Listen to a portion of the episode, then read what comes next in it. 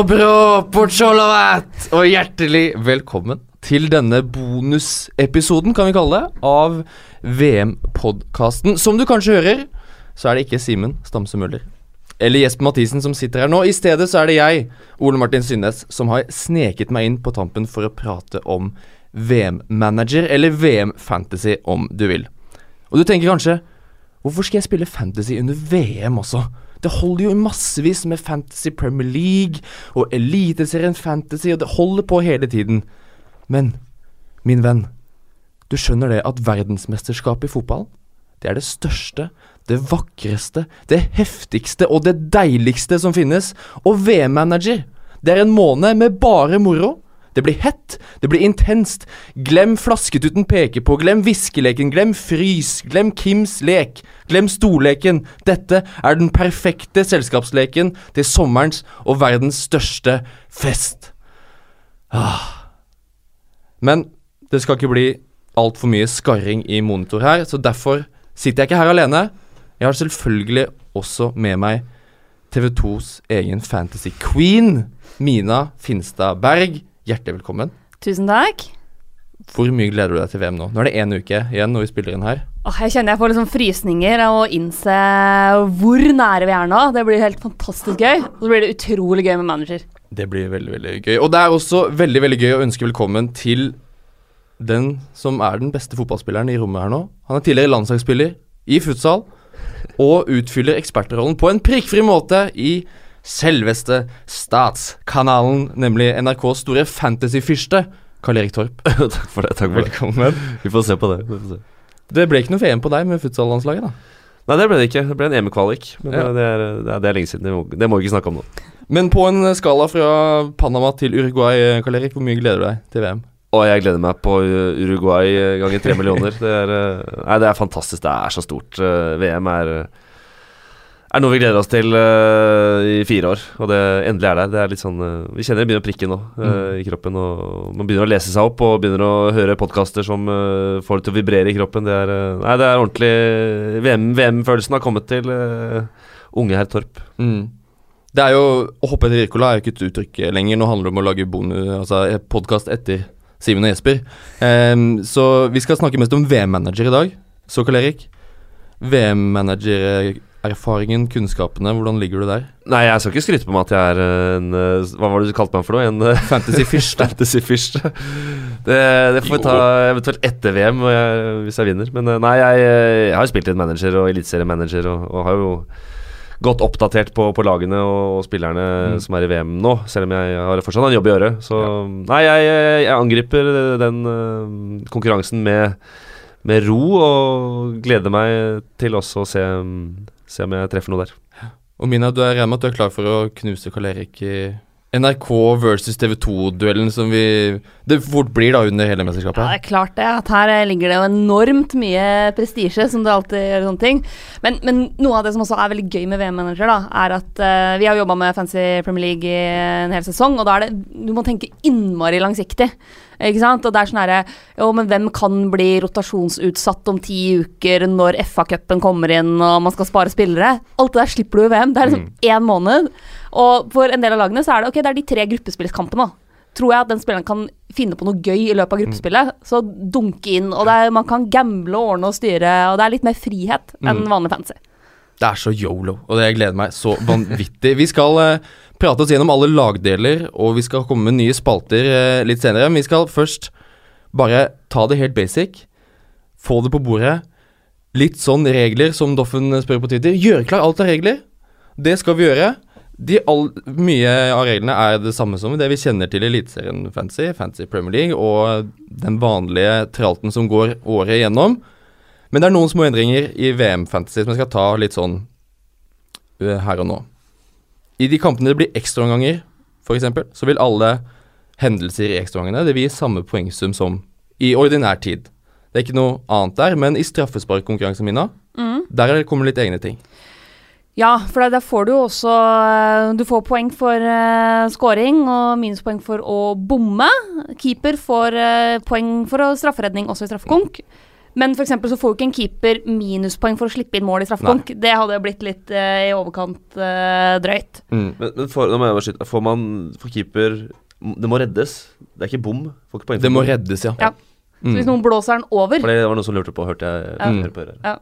så hvis, noen, hvis noen blåser den liksom langt over opp på tribuna, Mm. så er jo ikke det keeperens Kjempeprestasjon keeper, fortjeneste. Ja. Liker å spille i det ene gjør det. Ja, Kjempeprestasjon. Syker ut motstanderen der. Så da får keepere Det er ett poeng Ja. ekstra for å redde en straffe. Mm. Helt ø, fysisk. Um, det store måte, hovedforskjellene på VM-manager går fra gruppespill til sluttspill. Der er det litt sånn ø, viktige ting å følge med på. Det er da altså syv forskjellige runder totalt i hele mesterskapet. I gruppespillet så er det tre. Alle lag har tre kamper hver. Og så er det for hver runde i sluttspillet så er det én runde. Fire runder, altså åttendels, kvartfinale, semifinale og finale. Fra gruppespillet er ferdig og du går inn i sluttspillet, så skjer det noen endringer.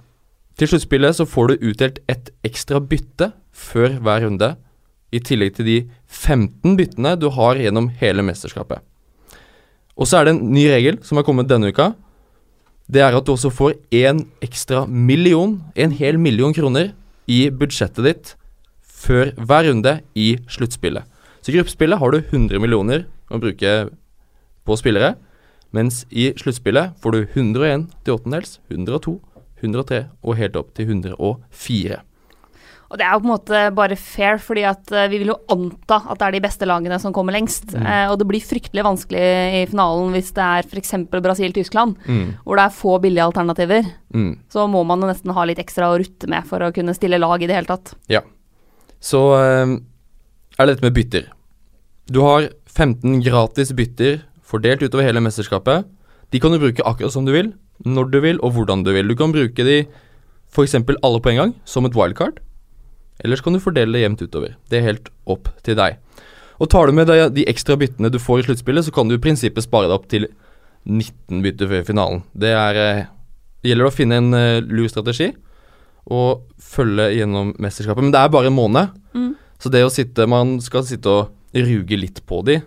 Du har ikke lyst til å svi av fem bytter etter Russlands Saudi-Arabia eh, om en uke, men kanskje ta med i hvert fall en del inn til sluttspillet, er i hvert fall det jeg har tenkt til, men jeg kommer nok til å svi av en del i gruppespillet allerede.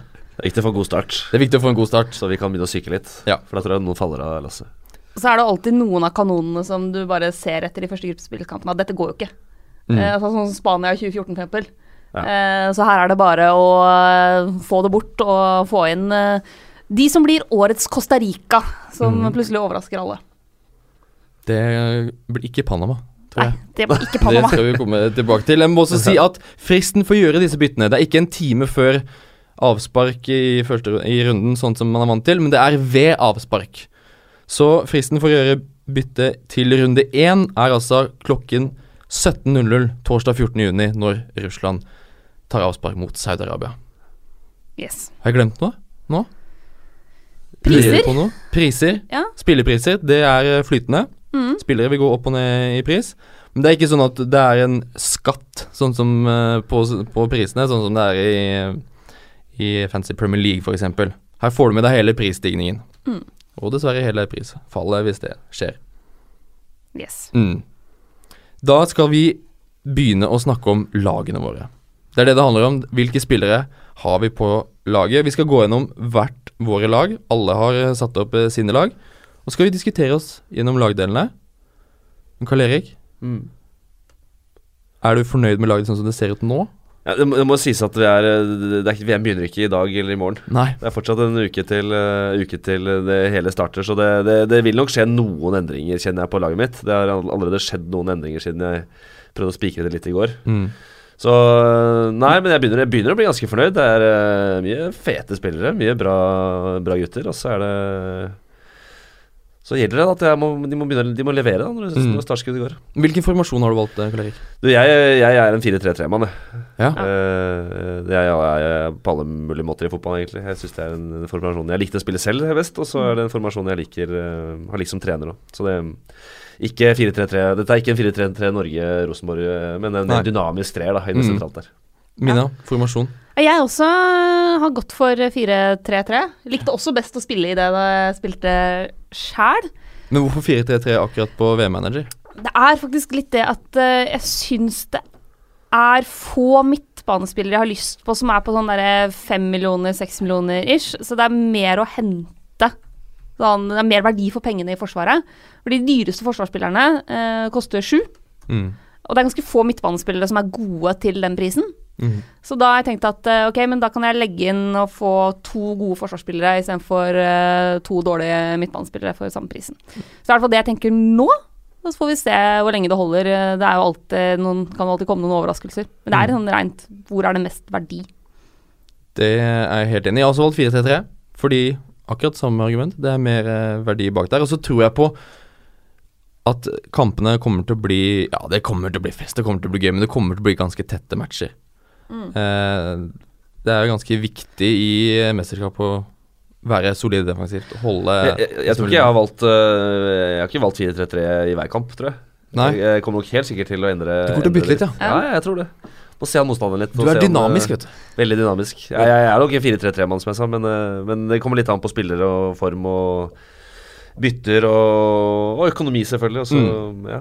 Nei, det Vi får se. Vi starter på keeperplass, eh, Karl Erik. Hvem har du valgt? Ja, Der er jo jeg øh, Skjønner jeg at jeg er litt ute, men jeg, jeg er gått for øh, Jeg er gått for Franco Armani, da, som er øh, Er det pga. navnet? Ja, det er jo fet, det er et fett navn med Armani i, mål der. Eh, nei, han eh, Det ryktes kanskje at det er Caballero som, som står for Argentina, så må, den, må jeg, den ligger litt åpen. Men foreløpig så har jeg Armani. Er en, han koster bare fem millioner. Er, eh, er en knallgod keeper. Er i en god keeperalder, 32 vel. og og har jo en historie som er ganske kul. Han har spilt i Colombia i, i sju år og kunne bli colombiansk statsborger. Kunne velge Colombia og, valgte Argentina.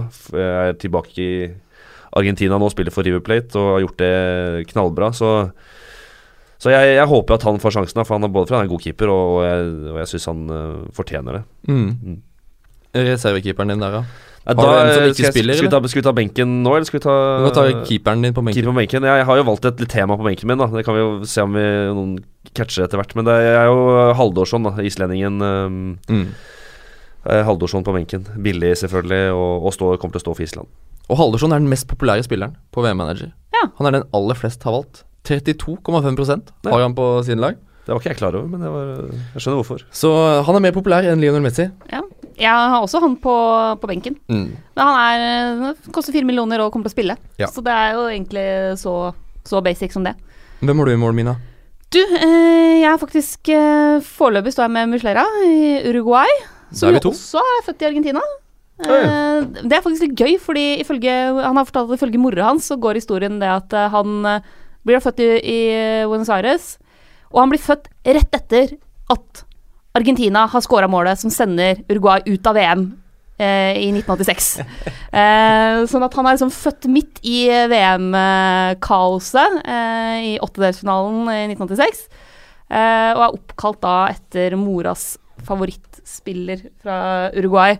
Så, så han syns jeg fortjener eh, plass i mål. Og så er det jo så enkelt som at Uruguay har en av de enkleste gruppene i VM. Mm. Jeg, kan komme med en liten anbefaling. Og det er å, er å, er å følge han på, på Instagram. Uh, For han, er, han, har, eh, han har en kone som er veldig wag, og veldig, han har, han har fått en datter, tror jeg, som, og det er veldig mye kleine bilder. Så gå inn og se, det er mye sånn oppsatte sånn familieportretter som han legger ut, og det er veldig sukkersøtt. Og, nei, det er veldig fint, fine, fine, veldig fine julebilder han legger ut for, også. I matchende uh, outfits og Jeg, jeg tror det jeg kan Jeg tror det, altså. ja, det er, Ja, det er Bare gøy. det er grunn nok for at uh, Muslera også er på mitt lag. Ja. Og det at han koster 5,5 Han er 1 million billigere enn disse storkanonene som Noyer og De Gea. så kan vi jo ta gruppa til eh, Uruguay. Eh, fordi det er jo Altså, de har Egypt i åpningskampen. Ikke helt klart om Sala når Sala er tilbake. Eh, Egypt uten Sala er jo Det må være lov å si at de er mindre målfarlige uten Sala, på en måte. Det er lov å si. Eh, og så har de jo Russland og Saudi-Arabia. Eh, sånn at der tenker jeg at det er gode muligheter for eh, clean sheets Mm. eh, i gruppespillet. Mm. Så det sammenhenger med at eh, han er én million billigere, Mm. syns jeg at Muslera er den mest attraktive keeperen Mm. så langt. Og så er det fortsatt en uke igjen til eh, vi skal låse dette. Men vi hopper videre til forsvarsrekka. Der har vi jo fire mann alle sammen. Mina, kan du dra oss gjennom dine utvalgte der? Ja, eh, liksom hvis vi starter dyrest, da, så har jeg foreløpig tatt eh, Marcelo, Brasil. Marcelo er jo først og fremst offensiv, på en måte. Eh, og det ser du jo når han spiller òg, at han, han, er jo back, men så vidt. Eh, og han har også skrevet sjøl om uh, måten han har lært å spille fotball på. Den teksten heter 'But first we attack'. Mm. Eh, og det er mye av grunnen til at jeg har valgt han. han uh, det er mye mål og assist i Marcelo, i tillegg til at Brasil har to av VMs beste keepere. Mm. Sånn at de, er, de er, kommer til å være forholdsvis solide bak, og så kommer Marcelo til å være mye offensiv. Men han koster sju millioner. Så det er dyrt, men jeg tenker at det er Jeg, vil hell, jeg syns han er et bedre valg enn mange av midtbanespillerne til 7 millioner. Mm. Videre? Hector, Tyskland. Igjen en uh, god keeper uh, bak der, i Manuel Neuer. Uh, et lag som man forventer kommer til å gå ganske langt. og en spiller som også kan bidra litt offensivt. Monier i Belgia. Uh, Belgia har altså, Jeg syns Belgia er et veldig interessant uh, lag sånn managermessig i starten av gruppespillet. Fordi de har Panama og Tunisia først, og så har de England i den siste kampen. Sånn at de har to ganske greie kamper i starten. Og Munier har blitt brukt mye som wingback i oppkjøringa til VM. Nå kan det jo hende at de må legge om til fire bak, litt avhengig av skadesituasjonen, men de har liksom foreløpig holdt seg til trebackslinje. Uh, og når du får en da wingback i et veldig sterkt lag som møter to enkle lag i to kampene, så syns jeg at han er verdt seks millioner som han koster. Mm. Og så er sistemann i rekka mi er SAS Marokko. Jeg har sikkert uttalt navnet hans feil. Eh, han er mitt billige wildcard-valg. Saiz? Size, Eh, fire og en halv koster han bare. Ja, fire og en halv. Det handler litt om at uh, Marokko har vært veldig sterke i kvalifiseringa. Slapp vel inn ett mål på åtte kamper. Og så må man gamble litt. Mm. Marokko er gøy, liksom. Det er en fin mann å gå til hvis man trenger noen litt eh, billigere varianter. Jeg vet at du også har Marcelo, Karl Erik? Ja, det er vanskelig å gå utenom han, tenker jeg. Både for han er så kul, liksom. Han er mm. så bra. Han er så vilt bra. Så selvfølgelig er han dyr, eh, dyr forsvarsspiller, men han eh, han med Neymar der offensivt etter hvert kan bli, kan bli ganske krutt, da, mm. tenker jeg. Også, nei, så det er vanskelig å gå utenom han. Hvilke andre har du? Uh, jeg har en brasilianer til som jeg er usikker på. Han, ja, ja det, er, det, er, kanskje Miranda. Mm. Um, og Det er ikke sånne voldsomme følelser rundt det, egentlig. Det er egentlig bare at uh, han også er en bra spiller og tenker at de jeg tror, jeg, jeg tenker jo at Brasil går langt. Mm. Det er jo egentlig sånn uh, hovedargumentet der. Og da, og, da, tenker du at du vil bruke to plasser defensivt for, de er såpass trygge defensivt? Altså, ja, Tite har det, fått inn nå, nå spiller de meg litt struktur. ut av Egentlig så tror jeg ikke det. Men jeg tenker Marcelo er jo hovedsakelig at jeg tror de, han kommer til å Han er jo midtbanespiller, han er jo wing. Ja, ikke sant. Han, han, er, han er, jo ikke på ingen banehalvdel. Uh, mm. Så Miranda er vel ikke så happy med det. Men uh, nei, den, den uh, foreløpig sa jeg det, da. Hvis jeg mm. kan si det, bruke ordet foreløpig på det. Det er helt lov. Ja. Uh, skal jeg gå videre, så tar ja. vi, er vi en spanjol Alba. Uh, Jordi Alba er jo egentlig den uh, første jeg hadde satt inn på laget her, tror jeg. Eller det var den første jeg plukka. Mm. Billigere enn Marcelo, men har vel egentlig bedre stats på landslaget, om jeg ikke tar helt feil.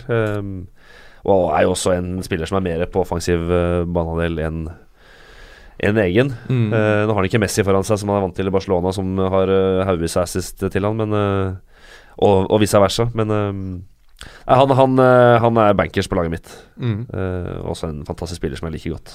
Det er viktig å ha den Jeg må, jeg må ha spillere jeg liker litt òg. Ja. ja. selvfølgelig. Det er viktig for meg. Det er viktig å spille med hjertet i VM-manager. Det syns jeg. Jeg ja. spiller mye med hjertet nå enn jeg gjør i, i Premier League. Altså. Det, ja, det må være lov. Ja. ja, det tror jeg vil gi uh, eierskap til laget mitt. Det, det tror jeg. Mm.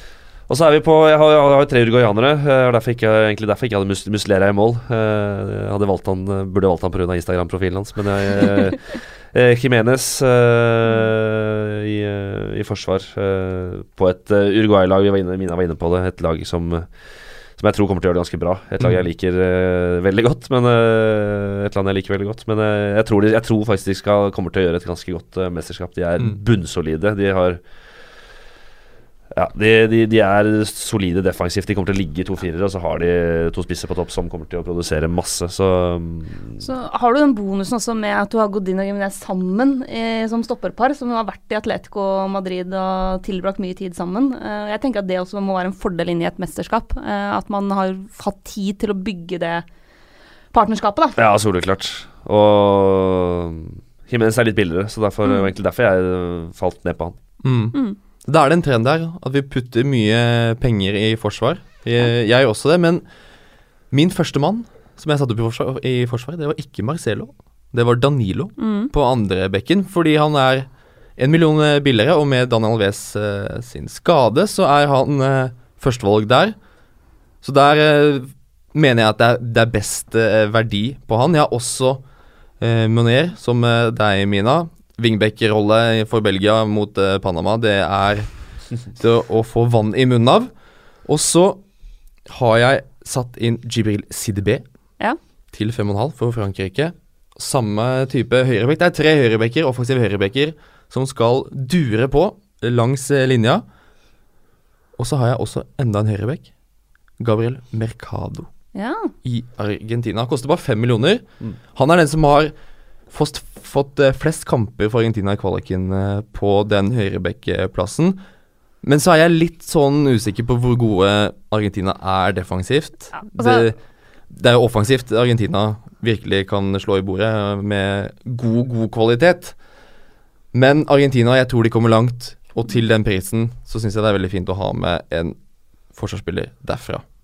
Argentina er på en måte dette VMs eh, Johnny Bravo. Eh, de er gutta som har liksom veldig veldig stor overkropp eh, og veldig veldig små bein. Eh, og det er Argentina i år, altså. Det er Den angrepsrekka der er helt kanon. Eh, og så begynner du å kikke bakover i banen, og så bare Oi sann. Mm. Og Jonny Bravo han var min helt fra jeg var syv år, så derfor er Mercado inne på laget mitt. Så må vi jo nevne noen litt sånne mm, luringer, da. Ja. Hvis man skal finne noen alternativer som kan være røverkjøp. Og da har jeg merka meg Odriozola Yes. i Spania. Mm. Koster fem eh, blank. Nå, han starta nå siste eh, Mm. kamp for Spania mot eh, Sveits. Har jo allerede skåra. Eh, og der er jo situasjonen litt det at man må se an litt på Carvajal, Mm. som jo ble skada i Champions League-finalen. Og Drosola har hatt sin liksom, store gjennombruddssesong i La Liga i år. En fryktelig spennende, kul spiller. Så jeg har liksom tenkt at nå åpner jo Spania mot Portugal. Mm. Så at jeg tenker at det er fint å se an den matchen. Både hvem er, er det Odriozola som starter, det kan se sånn ut. Uh, og så etter de har gjort unna Portugal, så er det Tunisia og Marokko. Uh, så da tror jeg at Odriozola kan bli et kjempekupp. Mm. Så må vi bare nevne til slutt her Joshua Kimmich. Ja. Ingen av oss har han. Nei? Hvorfor ikke det? Han er kanskje den, sammen med Marcelo, den som er mest Mm. attraktiv i forsvarsrekka her.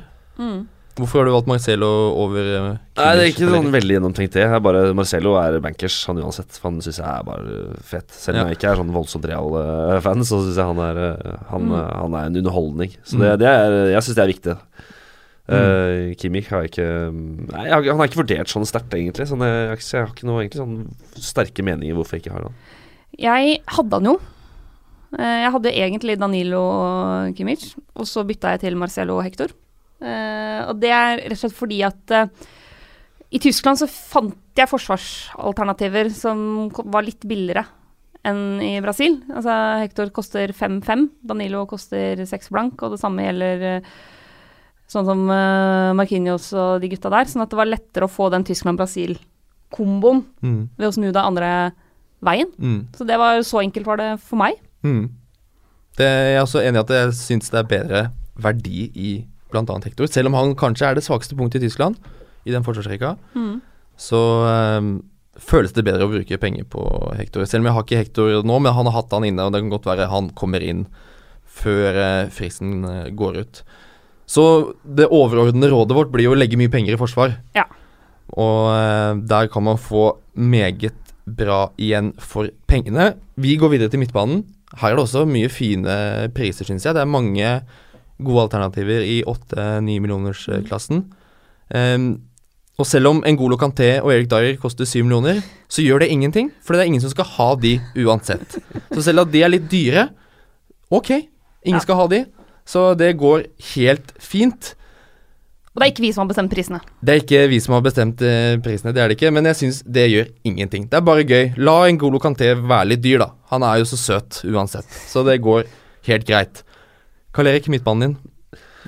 Ja, nei, altså, jeg, jeg, det er jo, jeg har ikke like god sånn, forklaring på alle, alle her. Det er viktig. Det er no, noen har jeg vært litt sånn gjennomtenkte. Uh, Eden Hazard, som sikkert eh, Nå har jeg ikke prosenten foran meg, men det er sikkert uh, relativt mange som, uh, som har. Jeg, han er i helt vill form og vært det, syns jeg, siste, siste kampen jeg har sett han, i hvert fall. Mm. Eh, Skåra og assist i går. Ja.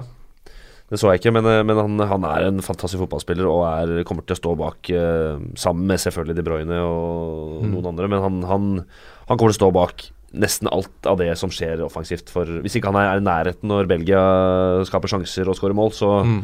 så blir jeg overraska. Så Mm. han, han kommer til å produsere. Så han eh, han er inne. Um, og så har jeg valgt en billig variant. Jeg har tre på midten. Jeg har valgt en billig um, Billig spiller tilbake til Uruguay.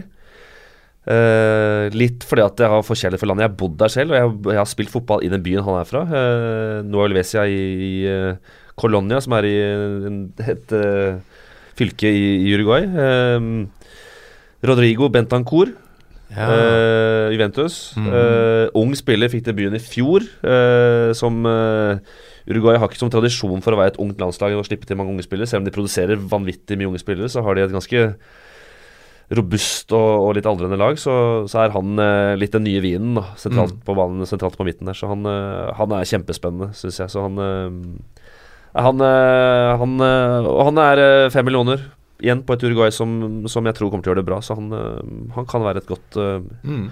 Tror jeg kan være et- en bra, bra signering. Mm. Og så uh, Del Alli. Åtte okay. millioners uh, mann. Uh, der har jeg Det er eh, Jeg vet Der er litt mer sånn Den, den kasta jeg inn for å bare teste litt og kjenne Mm. litt på. England har jo to lette kamper. De har det. Eh, og igjen, han er en god fotballspiller som, som er offensiv og kommer til å Jeg, jeg bare ser for meg Bentancour, Hazard og Del Alli på midten er ganske kul midtbane. ja, ja. ja. Det er bare om luma, det, altså. Ja, det er det. Men jeg har jo også Eden Hazard. Mm. Eh, og det kan jo være litt sånn dilemma De Brøne versus Hazard her. Hazard er 0,5 millioner dyrere enn eh, De, enn de Brøne. Mm. Men det er definitivt flest som har valgt De Brøne. Det er 17% som har um, De Brøne, mens det er 12 som har Hazard.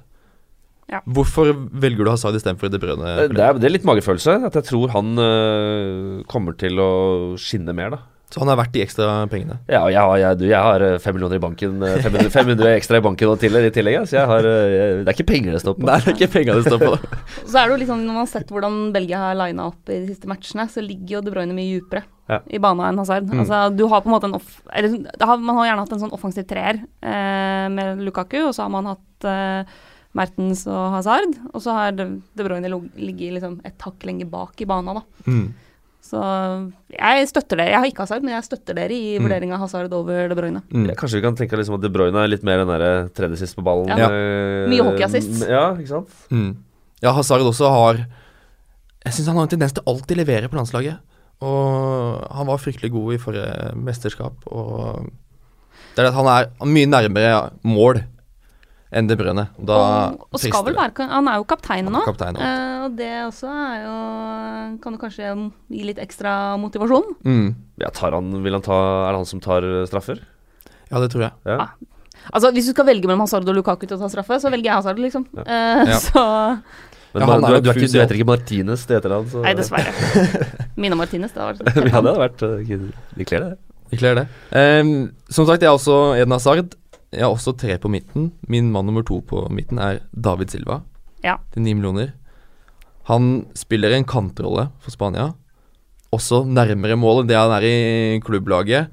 Og slik som Spania spiller med ko- kombinasjonsspill, Tiki Taka, som vi kjenner så godt, også med tanke på at det er et lite spissproblem der, med Diego Costa som ikke passer sånn kjempegodt inn i den spillestilen, sånn som jeg ser det, så blir David Silva ekstremt viktig for Spania i å løse opp eh, motstanderen f f- sitt forsvar, slå stikkerne og til og med avslutte selv mye oftere enn det han har gjort i klubblaget, og har hatt en fantastisk sesong i Manchester City.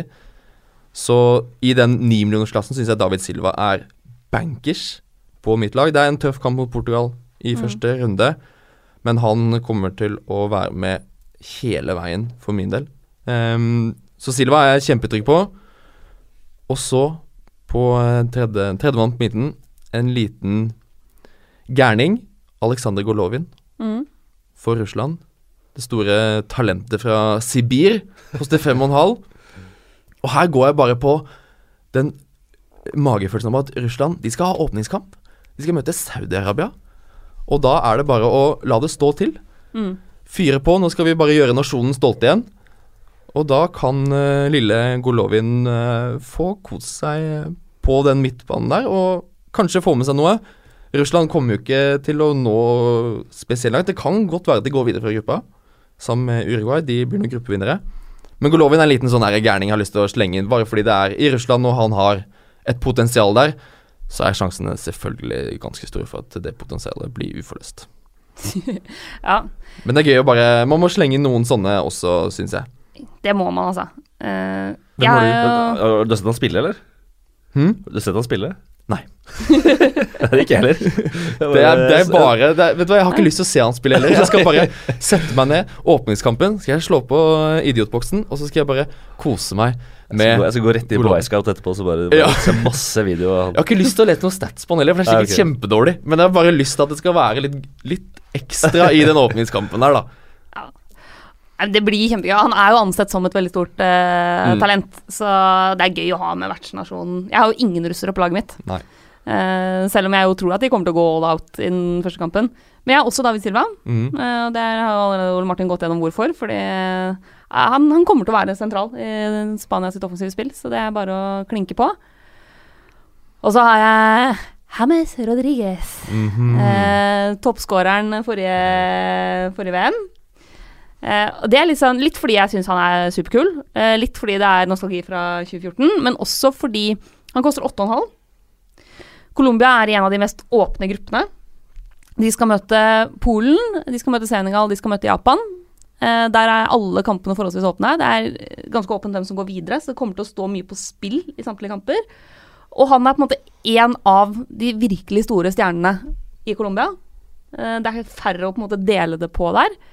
Eh, og så har han jo vist tidligere at han har en skuddfot av en annen verden. Eh, så jeg tenker at uh, åpningskampen Colombia-Japan Det er nesten som man kunne hatt en liten prøvd seg på en liten kaptein på James Rodriguez i, Mm. i den matchen. Men jeg syns at han til den prisen ser bra ut, og jeg tror Colombia kan komme seg kanskje til en kvartfinale. Mm. Så ja.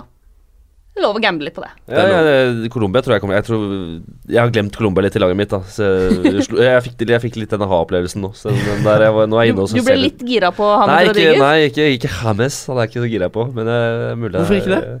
Nei, for jeg har andre spillere i de posisjonene. Ja. Men Heller det, det er mer mulig å tenke et lite forsvarsbytte med en uh, colombianer der. For jeg tror, jeg tror Colombia kan gjøre det ganske Ja. bra. Mhm. Ja, jeg, vurderte jo også å ta inn eh, min navnebror, eh, Jerry Mina. Jerry, Jerry. Mm. eh, og Davidson Sanchez Mina. Eller Mina Davidson Sanchez, jeg husker ikke helt. Men det er jo egentlig Du må jo ha det. jeg, jeg burde jo virkelig gå all in Ja. på Colombia. Um, Skandale hvis du ikke gjør det, ja. syns jeg. Jeremina oppkalt etter Tom og Jerry. Det er veldig gøy. Foreldrene hans var veldig glad i den tegneserien. Visste ikke helt hvordan de skulle stave Jerry, eh, så de bomma litt der, men det er fryktelig morsomt. Mm. Sistemann på midtbanen for meg, det er eh, serber. Ok. Milinkovic Savic. Koster seks og en halv. Det syns jeg er et kjemperøverkjøp. Har jo bare spilt tre landskamper for Serbia, men hatt en kjempesesong i Serie A. Eh, Skåra vel 14 mål eller noe tror jeg. Eh, nei, 12 mål, kanskje. ja. Eh, og er jo en av grunnene til at Serbias forrige trener fikk sparken, fordi han nekta å gi de unge spillerne sjansen. Så jeg tror Milinkovic Savic kan, eh, kan bli en litt sånn eh, Dette kan bli hans store mesterskap. Mm. Vi har jo alle tre, tre midtbanespillere. Bare tre på midten. Så det betyr at det er jo færre plasser som vi har valgt bort. Så det er en del storkanoner som ikke er her. F.eks. Christian Eriksen, Tony mm. Kroos, Filip Philip Coutinho. Hvorfor eh, kan, vi si, kan du si noe om f.eks. Christian Eriksen, da? Karl Erik, hva tror du om hans rolle i Danmark? Er han for alene, alene i det laget til å måtte, Kan han ta Danmark Klarer han å bære seg de på sine skuldre, eller blir det litt for uh, tøft? Hva tror du? Ja, Det er vanskelig å si. at Jeg, jeg, jeg, jeg er positiv til Danmark i, i VM. Det er jeg. jeg de, har gode, de har muligheter. Eriksen er deres ubestridte ener. Uh, Fusialt. Mm. Uh, eller kanskje ikke straff, forresten. Jo, det tror- jeg. Ja, ja, det var noe det noe, noe Bent, når. Bentner får lov til å ta det i, Ja. plutselig, så er jeg usikker, men Han er nok ikke med. Øh, nei, Eriksen var, var, jeg var Jeg var nære på Eriksen. Uh, og kjapt her, hvis, hvis jeg klarer å finne han var, er, er han på åtte og en halv, eller var han uh, Han er også på 8,5, ja. Mm. Ja, så jeg har, jeg har faktisk Jeg har faktisk råd til å bytte han ut med Alif. Jeg har jo 500 000 i banken, så jeg har uh, Ali er åtte. Så den, er- den, den, den har, jeg har hatt den i tankene, så jeg, jeg har ikke noen gode argumenter for ikke å ha den, egentlig. Nei. For jeg tror han kommer til å levere noe. Ja. Mm. Jeg er litt. Så, Kristian Eriksen, er jeg er litt usikker på hvor mye mål det blir i de matchene til, eh, til Danmark. Eh, jeg tror, altså Den beste kampen å ha han i er jo den mot Australia. Ja. Eh, der tror jeg de kan eh, skape mye. Eh, mot Frankrike blir det tøft. Ja. Peru er et ganske godt lag, altså. Eh, det er jo et lag veldig få av oss har noe særlig forhold til, men de har et ganske sterkt lag. Eh, så jeg tror ikke det blir noen enkel match for Hareide og co. Men jeg vil jo si at skal man først eh, gamble på Danmark, så er det en annen spiller jeg har hatt mye mer lyst til å satse på, og det er Pion Sisto. Mm. Han er angrepsspiller, koster sju millioner. Eh, vært kjempegod i La Liga. Eh, mye artigere å gamble på Pion Sisto enn Christian Eriksen. Mm. Ja, det er Han er en fin liten gærning på, på kanten her, definitivt. Jeg har jo eh, Tony Kroos har vært innom laget mitt ganske ofte. Mm. Eh, men jeg klarer ikke å bli helt trygg på den midtbanen til Tyskland. Jeg er ganske sikker på at Tony Kroos kommer til å spille. Han kommer til å spille alt.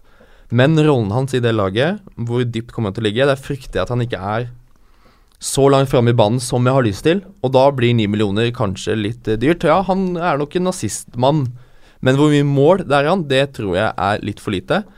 Eh, og så har jeg hatt, har et lite utropstegn bak Leon Goretzka Mm. til syv millioner. Er, men han er ikke inne fordi det er jeg fortsatt usikker på om han kommer til å spille. Så um, Tyskland syns jeg ser bunnsolide ut. Jeg har lyst til å ha en fra midtbane, men jeg har ikke klart å bestemme meg helt ennå. Og så er det med Coutinho, som nevnte i stad. Der har jeg gått for Hazard i den så å si samme prisklassen, fordi de møter eh, Panama i den eh, første kampen, og det ser helt eh, gyllent ut. Og Brasil, har, altså Brasil er jo solklare favoritter til å gå videre fra gruppa si, men uh, det er matcher der hvor jeg ikke ser for meg at det blir liksom kalassifre. Uh, Sveits, Costa Rica, Serbia. Mm.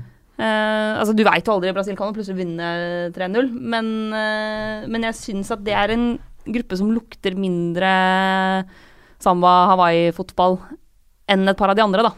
Og hvor mye har du å si Neymar Hvor mye har Neymar å si for Brasil? Hvor mye har han å si for lagkameratene sine? I Ja, for eksempel med Coutinho, da. Ja, han har mye å si. Han er, så jo det bare nå når han var tilbake etter langt skallabrekk. Så er han inne og, og er nesten bedre enn vi har sett han Mm. før. Så Så jeg vet ikke om vi skal hoppe videre, men jeg, har i fall, jeg Neymar i mitt lag, Mm. og det er sikkert mange som uh, tenker, at, tenker, tenker at det er en spiller vi uh, Man må holde seg litt unna, for han er fortsatt tilbake fra skade, eller er på vei tilbake fra skade. Ska, kommer han til å starte de første kampene, vil de være forsiktige med å matche han. Mm. Mens igjen, der er jeg litt sånn Der er min Jeg tenker at Han er, han er dyr, 11,5 millioner, så han er jo dyr også. Så er Jeg har, jeg kjenner jeg har mange argumenter mot i hodet Ja. mitt, men allikevel så har jeg han. Har jeg han og jeg, rett og slett fordi at er han på banen, så kan Så kan alt skje, liksom. Mm. Og om han kommer inn en halvtime mot uh, Ja, I de første kampene så tror jeg fortsatt han kommer til å levere noe. Mm. Så Han er jo fus i alt. Ja, ja. Han er jo den store stjerna. Han Drakta hans er jo med på banen, selv om han ikke spiller. Han spilte jo VM-finalen. Han spilte jo egentlig VM-finalen, han var Ja. banens beste. Han var Brasils beste. Ja, det Men da er vi over på spisser, på, over på angrepsspillet, hvor det er en jungel å velge mellom. Eh, Du har gått for Neymar, eh, Karl Erik. Hvilke andre har du på topp? Du, jeg har, øh, jeg har gått for han som var utestengt og fikk nye straffer, og til slutt uh, var det innsamlingsaksjon omtrent, og innsamling av autografer fra kapteiner og diverse. Paolo Guerrero i, Yes. eh, i, Ah. Peru. Han er rett og slett for at historien er kul, og at han er tilbake, leverer for landslaget sitt, skåret vel to mål Mm. eh, her om dagen. Og, ja, og han er altså, kom, kom, Hvis Peru skal levere noe offensivt, da, så er det han. Mm. Uh, de, han er fysisk robust, svær, en, en god, god spiller. 6,5 millioner. Så det har jo gitt meg rom, litt mer rom i andre posisjoner. eh, Å ha en sånn type spiss som jeg tror i gruppespillet kan, eh, kan plukke litt poeng. Da. Mm. Ultimate dark horse. Ja, helt Ja, nydelig. Og tenk så motivert han kommer til å være, da. Inn i Ja, og hele, la, her. hele laget. Peru har jo fått Ja. altså, sånn, De fikk jo en helt ny eh, tro på hele opplegget, selvfølgelig.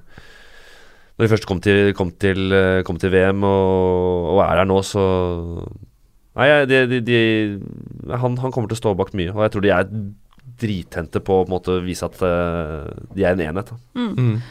Og jeg tror også sånn, sånn Det har blitt sagt at det er, det er vanskelig å se for seg en spiller som vil være et større tap for et lag i VM i år enn Paulo Guerrero for Peru, på en måte, hvis han ikke fikk spille. Han Ja. er så avgjørende. Og nå kommer det til å være sånn samling i bånn, og jeg tror hele laget kommer til å ønske at Guerrero skal skåre i hver eneste kamp. Altså, det kommer til å bli lagt opp til at han skal få sjansene. Der ble, det han, der ble han min kaptein. Jeg skulle se. Jeg skulle trykke han, der ble han min kaptein. Så jeg synes det er alt skal slås valg. på han. Ja. Alt, Ja. route one. Rett Ja. på uh, Ja, men det, det tror jeg kan være en uh, ja, outsider. En liten sånn der, Den kan Mm. være Den kan gi mye poeng hvis man eh, treffer. Men den er ikke, den er ikke soleklar. Men uh, Men han er ganske billig, og det er jo alltid deilig. Da er forventningene lave, og det er ingenting som er Og bedre så enn er, det. er noe med historien. Da bare Hele det build-upet til, til hans mesterskap Ja. med at han var ute og fikk uh, seks og så for- eller var det- så ble han forlenga, og så Ja. Så det, det, det er kult. Jeg håper, jeg håper virkelig han eh, leverer i VM. Det, det har vært dritkult. Ikke, på, Mm. ikke fordi han er på laget, men fordi jeg syns han er kul. Mm. Hvem er din tredje Du, mann? ja, da, tilbake til Uruguay. Jeg har jo tre, tre uruguayanere. Eh, Edison. Mm. Ja da. Eh, Cavani, eh, 9,5 millioner. Eh, han, eh, han og Suárez på topp eh, De kommer jo til å skåre mål. Men hvorfor Kavani istedenfor Suárez? Ja, nå igjen så tar du meg litt på halvfot. Han er vel billigere enn uh, Suárez, uh, mener jeg at jeg Ja. Mm. Ikke sant? Så, så det var vel uh, var det jeg mente å huske at jeg tenkte. billigere. Ja, så det var, det var, det var derfor. Eh, og også Selv om jeg syns Suárez er en bedre fotballspiller, så er Cavani like gæren som Suárez. ja. og, og i hvert fall i VM, så jeg tror han Mm. Nei, de, de to kommer til å liksom være i boksen og, være, og skåre mål. Og så har Edison Cavani vært knallgod. Han har fått et kjempeløft i Eller løft, han har vært, vært god i PSG Mm. eh, hele sesongen. Bøtta inn mål. Mm. Bøtta inn mål, ja. Og toppskårer i kvalifiseringa for uh, Ruay. ja. Han skåra mer enn Suárez i kvaliken. Det er en toppskårerkandidat. Ja, jeg har også Cavani, nemlig. Og Ja. også valgt Cavani foran Suárez. Litt pris, men også litt det at Jeg ser for meg Ok, hvis du spiller mot Uruguay, da, eh, så, så har du et av eh, de aller beste spissparene i VM i Suárez og Cavani. Det mener jeg. Mm. Men hvis du skal prioritere én av dem å markere, så markerer du Suárez. Og det kan gjøre at Cavani får litt mer rom enn Suárez. At Suárez binder opp ganske mye av motstanderens eh, forsvar. Eh, som også, det er mulig jeg liksom nå konstruerer et argument for å forsvare valget av Cavani, men, men jeg ser liksom for, jeg ja, tre, tre stykker som markerer ja. svaret, så så er ja, Kavani helt, helt fri på sida der. Ja, nei, men, han har vi ikke hørt om. men litt det at Suárez får alltid så mye oppmerksomhet, da, og vil binde opp såpass mye, at uh, ja. Så er han 9,5. Mm. Jeg syns det er eh, et røverkjøp. Igjen med mot Egypt, Saudi-Arabia og Russland. Altså Hadde jeg vært stopper, så hadde jeg ikke Jeg vet ikke om jeg hadde turt å gå inn i en nærduell med Suárez, da, Fordi da er jeg redd for skuldra mine, og da er jeg redd for å bli bitt og spytta og klippet. Da tror vi Suárez klarer å komme seg gjennom uh, gruppespillet uten utvisning. Nei. Nei det, er, det er et annet argument mot Suárez. At liksom, han er jo Selv om han kommer til å produsere mål og, og sjanser, så, så er han en uh, Han er en tikkende bombe, har vi sett. Selv om eh, Ja, vi har sett det før. Så at han, eh, som sier, eh, går ut eh, Kan få et rødt kort eller gule kort. Mm. Det er greit å prøve å unngå de også. mm. Neymar har jo jeg. Han kommer til å få noen gule kort for filming, så det er jo Det er dumt. dumt. Mina videre på spiseplass. Ja, eh, Lionel Messi Ja, har jeg valgt. Eh, og det, Leo, Leo. det er jo grunnen til at jeg måtte spare inn litt på andreplasser, er, jo- er jo Messi. Um, men det er altså Han er blant spillerne som skårer flest mål hvert eneste år. Han er involvert i så vanvittig mange mål, enten som målskårer eller som tilrettelegger. Han er kjernen i det argentinske laget. Eh, han er den ting kommer til å gå gjennom. Altså, de har jo et angrepsarsenal som er eh, voldsomt imponerende, men jeg tror likevel at Messi er den som kommer til å være mest involvert. Mm. Eh, og så er det det at dette kan være Messis siste sjanse til å vinne VM. Det er faktor, en faktor her også. Altså, man veit jo ikke hvor lenge han klarer å holde seg, i hvert fall på det nivået han er nå, da. Eh, han er 30. I Qatar så er han 34. Da kan det være At det ikke lenger er like enkelt å gli forbi eh, forsvarsspillere. Mm. Eh, og så har han altså målsnittet hans i La Liga i år er nesten et mål per kamp. Mm. Altså, du trenger ikke å argumentere for Messi. Det er, det er bare Det, det, det går er han, fint, er han verdt eh, prisen? Jeg, han er jo den dyreste, 12,5. Jeg mener han er verdt prisen. Mm. Eh, og så har jeg da tatt tredjemann i rekka, er da Dries Mertens. Okay. Som nok ikke er så valgt av så mange. Uh, Belgia spiller på topp sammen med Lukaku. Uh, det er jo Lukaku som har skåra flesteparten av målene, men Mertens er billigere, koster 9,5. Eh, har hatt en litt sånn ny vår etter at han for to sesonger siden gikk over en litt ny rolle i Napoli. Mm. Nesten 50 mål på de to siste sesongene. Toppskårer der to år på rad. Eh, så jeg tenker at uh, han er en av de spillerne det er verdt å gamble på. Mm. Eh, Vi har ganske lik spissrekke, Mina. Jeg har også Lionel Messi. Og må man ha Messi? Ja, det mener jeg man må. Jeg har også Edinson, Edinson Cavani. Han tror jeg kommer til å ligge høyt, høyt på den toppskårerlista ved slutten av mesterskapet. Og så er min tredjemann Timo Werner. Ja. Det er Deutsche Spelfyrer, holdt jeg på å si. Eh, Han eh, koster på 8,5. Jeg syns det er ganske billig for det mest sannsynlige førstevalget for eh, Tyskland. Så der ser jeg et potensielt varp i Timo Werner. Han er jo ganske populær uh, foreløpig, valgt av 18-19 prosent. Ehm, men det som overrasker meg med når vi ser på eierandel, er at Cristiano Ronaldo Mm. bare er valgt av 6,5 Mm. kontra Messi som er da 27,5 Og Men- ingen av oss har Cristiano Ronaldo. Nei. Så at han ikke er valgt av så mange, det støtter vi. Det handler vel litt om hvordan Portugal spilte i EM, tror jeg. Mm. Ja. Eh, at eh, det var et lag med lite mål. Eh, det var et lag som sloss og fighta seg til finalen, mer enn å finspille og trikse seg til finalen. Uh, Sjøl om altså, Ronaldo har jo, er jo igjen toppskårer i kvaliken for Portugal eh, og alle de greiene der.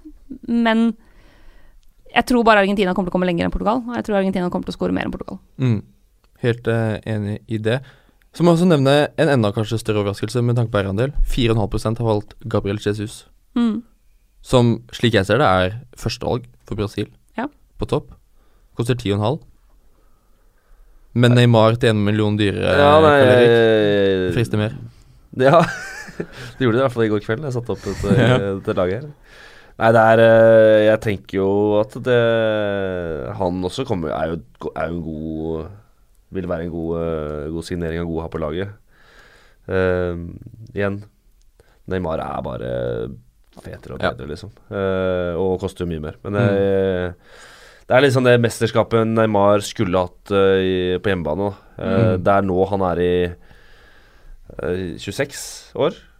Mm. Eh, er i på en måte perfekt alder eh, på mange måter. eh, og selv om han er skada, så ser han så bra ut, syns jeg, på det lille jeg har sett. eh. Og ryktene er jo også at han har jo hatt et lengre skadeavbrekk enn det han hadde trengt i PSG for å være helt Ikke 100 i VM. At han kunne ha kommet tilbake tidligere, men prioriterte å være i toppform til VM. Og det er en prioritering jeg skjønner, for å si det sånn. Mm. PSG kan ikke vinne Champions League, eh, og liksom ligaen er grei, så ja. Mm. Vi må slenge inn en uh, liten uh, gærning til slutt. Vi har vært innom Paulo Guerrero, som Ja. er uh, kanskje på toppen av lista, men en god nummer to der.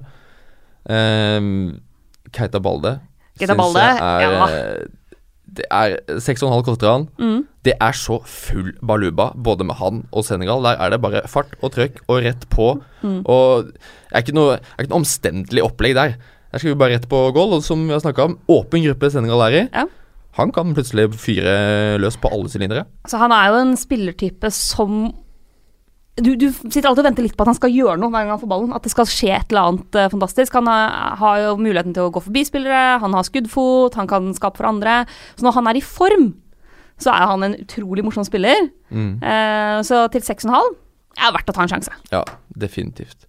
Det er definitivt verdt å ta en sjanse. Da har vi vært innom store deler av denne spissjungelen. Ja. Vi har vært innom midtbanen, vi har vært innom de bakre rekkene. Em, kan jo også bare nevne at hvis du som hører på føler at uh, nå var vi altfor uh, lite i dybden, så kan jeg anbefale å gå inn på The Guardian. Mm. De har en sånn guide på alle spillere i hele mesterskapet, lag, styrker og svakheter. Les deg opp der hvis vi ikke har gjort det godt nok for deg nå. Så er det bare å ta turen inn dit på The Guardian, altså. Vi skal faktisk gå videre til spaltene våre. Det er noen nye spalter. Du, jeg må, ta, jeg må først ta benken min, jeg. Ja, vi må ta Ja. benken. eh, Det er helt riktig. er, eh, Selvfølgelig. der har jeg- der Du har jo en gjennomtenkt benk. jeg- Der har jeg tema, faktisk. Ja. Litt for å spare penger, eh, og litt for å på en måte Litt nostalgi, da. For eh, For min egen del også, Mm. egentlig.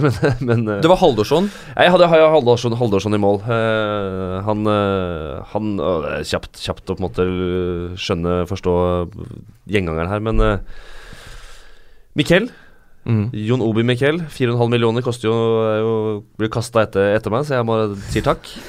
uh, kan komme inn på midten der og stabilisere litt. Uh, kommer til å spille for Nigeria, eh, ser det ut som. Uh, Cristiano Bolanjos. Uh, Sørlandets perle var det for, i hvert fall det i to sesonger han spilte for Start. Mm. Jon Obi Mikkel, som vi vet har en fortid i Lyn. Mm. Og da til slutt William Er det ikke han heter? Jo, William Trost Ekong. Som var i Haugesund eh, og var eh, årets spiller og var altfor god til å Og spille. kaptein. Og kaptein. Mm. Var på lån og ble kaptein. Det sier alt om hvor, hvor, hvor bra han var. Ble årets spiller kåret av spillerne selv, husker jeg, det året han var her også. Så han, eh, han er knallgod. Så det er ikke bare fordi han har vært i Norge jeg har han, men, eh, men han også kommer til å spille for eh, Nigeria. Kan være et, en liten outsider, faktisk. Fem Fem millioner. Så da har jeg norsk, eh, en norsk-inspirert en norsk norskinspirert Det norsk var helt nydelig. da. Ble ikke Troste Kongen lurer på om han ble tippeligaens yngste kaptein også? Han var Ja. noen 2 eller 23 da han ble Haugesund-kaptein. Ja. Uh, nei, det er helt nydelig. Helt glitrende. Benken din, Mina. Er, jeg, er det dødt? jeg har også et tema på benken, og det er at alle koster fire millioner blank. Eh, Så det er de billigste spillerne som kommer til å starte kamper, Ja. er min eh, benk. Og det er Haldorsson, eh, Bosofa, Barkenas, Magnusson. Magnusson. Så her har vi liksom Vi har bare Panama og to ganger Island. Eh, så det er eh, veldig Den er ikke så gjennomtenkt heller. Altså Det kan hende jeg bytter ut noen av dem for andre som også koster fire mil, men eh, Det er bare for å spare penger. bare for å spare penger. Så jeg, og jeg er også en sånn liten hybrid av dere to, kanskje. Jeg har også John. Eh, Litt sånn nostalgi som uh, Chelsea-supporter, men også at han spiller mest sannsynlig en tierrolle for Nigeria. Og er altså verdens dårligste spiller til å spille i en tierrolle. Det er Det er, det er eh, det er for fantastisk. Så da skal han få muligheten til å sitte på benken min. Han er første innbytter. Resten er fire millioner over hele rekka. Det er uh, Al-Mayouf i Saudi-Arabia. Det er Poralinga, Jiran og Otaif i Saudi-Arabia. Det er bare Ja, må du følge med, lyttere må du følge med, for det de jeg kan finne. Plutselig så er det kaptein i runde to. Så um, det er det som går igjen, i hvert fall eh, hos flere av oss her. Minst mulig penger på benken for å stille sterkest mulig elver. Det er jo litt fordi nå er det VM-manager. Det kommer til å være mindre rotasjon i gruppespill enn det vi er vant til fra både Premier League og Eliteserien. Så her eh, vanligvis er det viktig å ha en spillende benk og gode benker. Her tenker jeg liksom så lenge de sannsynligvis får noe spilletid for laget, så er det bare å gå billigst mulig. Og da må jeg jo mest sannsynlig gjøre et eller annet inn i sluttspillet. Det får jeg se om jeg bare satser på en elver som spiller, og har en benk som har røkt ut. Det tar jeg når eh, den tid kommer. Da skal vi kjøre litt spalter, Ja. tenker jeg. Vi skal jo til Russland og se kamp. Så Og det syns du er gøy? Nei, Dobbelt, det dobbelt. syns jeg er veldig, veldig gøy. Så første spalte er rundens troika og perestrojka. Troika er altså de tre spillerne du må ha på laget ditt for å kunne nyte kampene til det fulle, mens perestrojka er de tre spillerne som bare vil skape oppløsning og sammenbrudd, så de må du holde deg langt unna. Vi skal presentere hver vår mann på i troikaen, Karl Erik. Hvem er din mann som man må Jeg fikk så lyst på, sjokolade, jeg nå. ja. Det var skikkelig tidlig på dagen. Jeg, du, min, eh, min troika Der eh, Jeg har den på laget selv, selvfølgelig. Eh, Jordi Alba. Mm. Jeg sa det Mest have. Ja, han, for, for meg så er han en uh, soleklar uh, kandidat, eller en, en mann jeg skal på laget mitt. Mm. Ja, jeg var inne på det i stad. Han kommer til å være mye offensivt. eh, løpe fort gjennom og være, være gira på å bidra offensivt. Um, Mm. han, Mina. Eh, Jeg har David Silva, så vi har et lite spansk tema gående oss imellom. Eh, Silva ser så bra ut, eh, og jeg tror han kommer til å være veldig involvert for Spania. Sånn Mm. at, eh, det er bare å kose seg med Kanariøyenes mann i VM. Mm. Da sier jeg det selvfølgelig det åpenbare, det er Lionel Messi. Det, det er ikke noe spørsmål om man skal bruke 12,5 millioner på han eller ikke. Selvfølgelig skal man det. Mens på Jeg vurderte å ha han på perestrojka, det, men jeg har ikke tatt han før. da Oh. Kanskje, kanskje jeg drar med Perestrojka derimot, da, den eh, som er langt unna laget mitt, det er Antoine Griezmann. Ja. Han synes jeg er for dyr. Toppskåreren fra EM. Toppskåreren fra EM er eh, ikke toppskårer i dette VM. Det er fordi jeg syns han er for dyr, og fordi jeg tror han vil spille kant. Olivier Giroud kommer til å være midtspiss. Deschamps er altfor glad i Giroud til å bruke han på benken.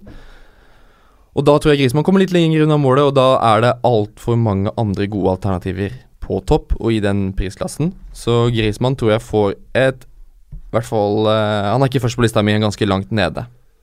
Mm. Jeg var ikke i nærheten av han på laget selv, så Nei. jeg, jeg, jeg er delvis enig i det. altså Mina? Du, jeg har eh, faktisk Thomas Müller, jeg. Ok. Også tidligere VM-toppskårer. Eh, men, men det handler litt Så der gjelder ikke nostalgien. På eh, Nei. Kames da er nostalgien viktig, men på På eh, lagkamerat Müller eh, så er det annerledes. Nei, men det er litt det at han har ikke vært den samme superskåreren i Bayern i år som han har vært tidligere.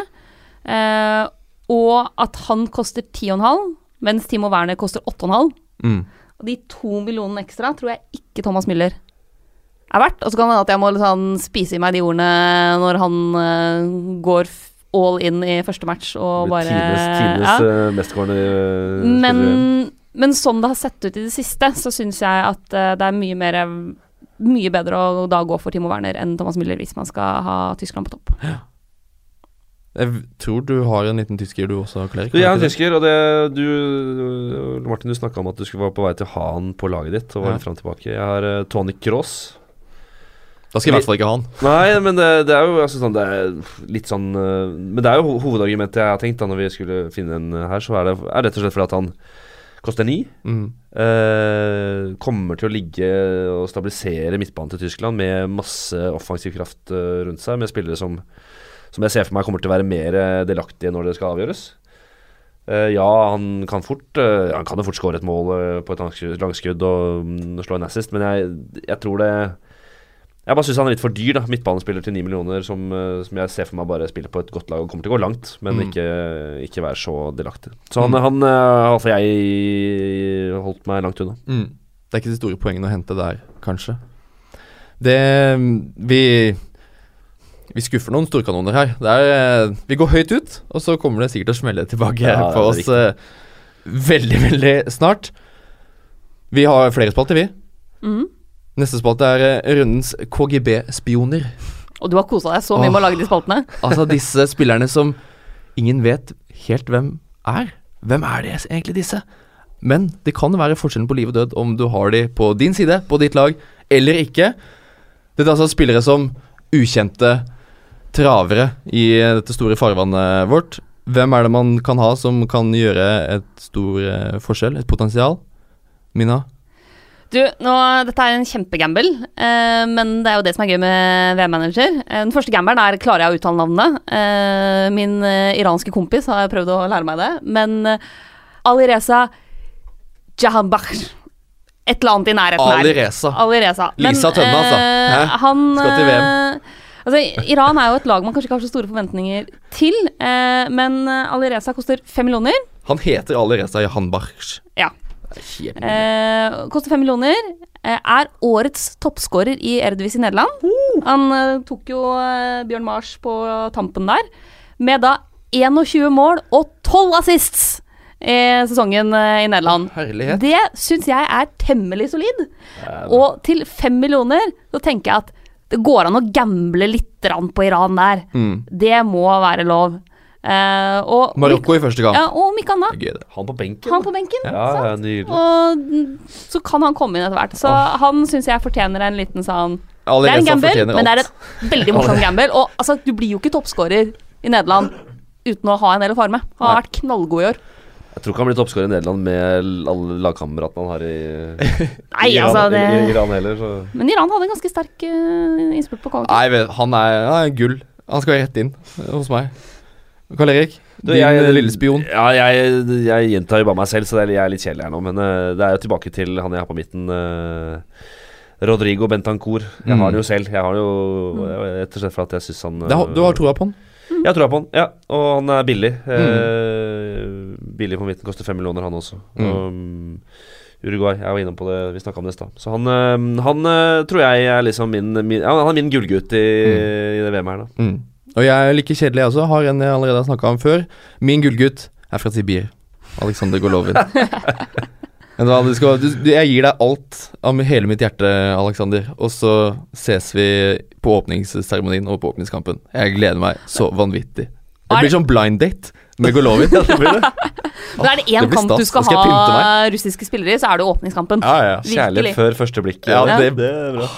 Det blir så stas. Det blir så stas. Jeg må kanskje kjøpe meg Russland-drakt med Golovin før den tid.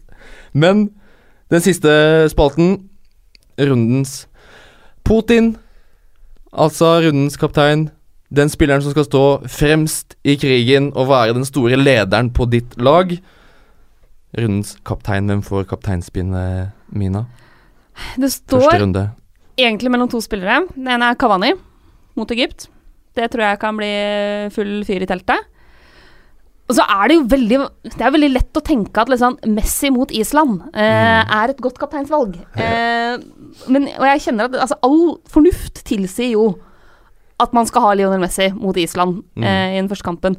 Men så er det den lille del, delen bakerst i hodet mitt som sier at sånn Ok, Island i sin første VM-kamp noensinne De tok noen skalper i EM.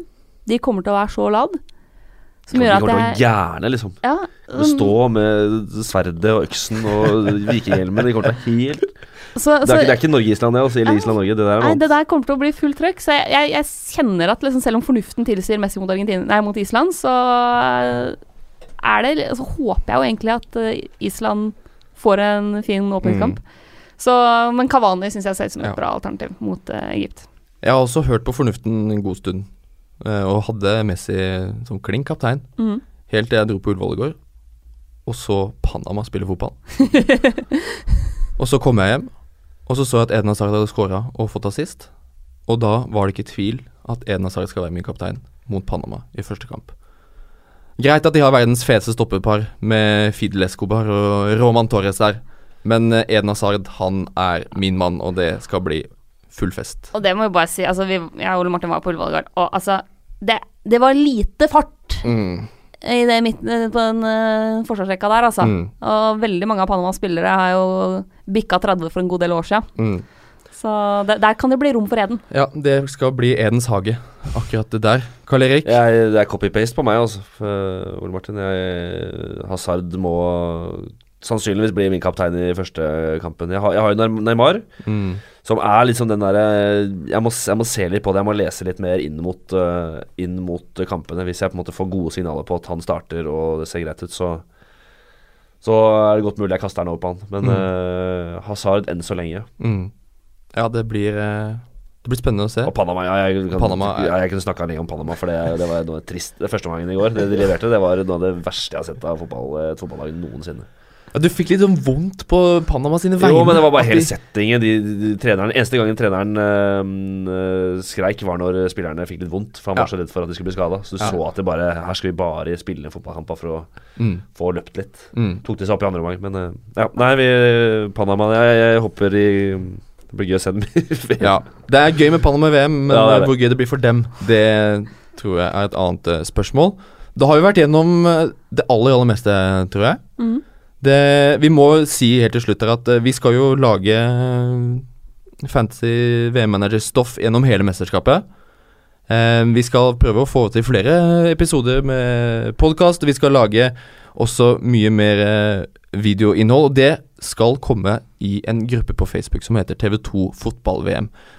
Den er rett rundt hjørnet, for Facebook er ikke helt snille med oss. De har ikke helt fått ut fingeren, men den kommer asap. Forhåpentligvis så er den klar når denne poden er ute. Så da er det bare å melde seg inn i den gruppa på Facebook. TV2 Fotball-VM. Der vil du finne alt om VM, alt om VM-manager, som vi skal lage gjennom hele mesterskapet.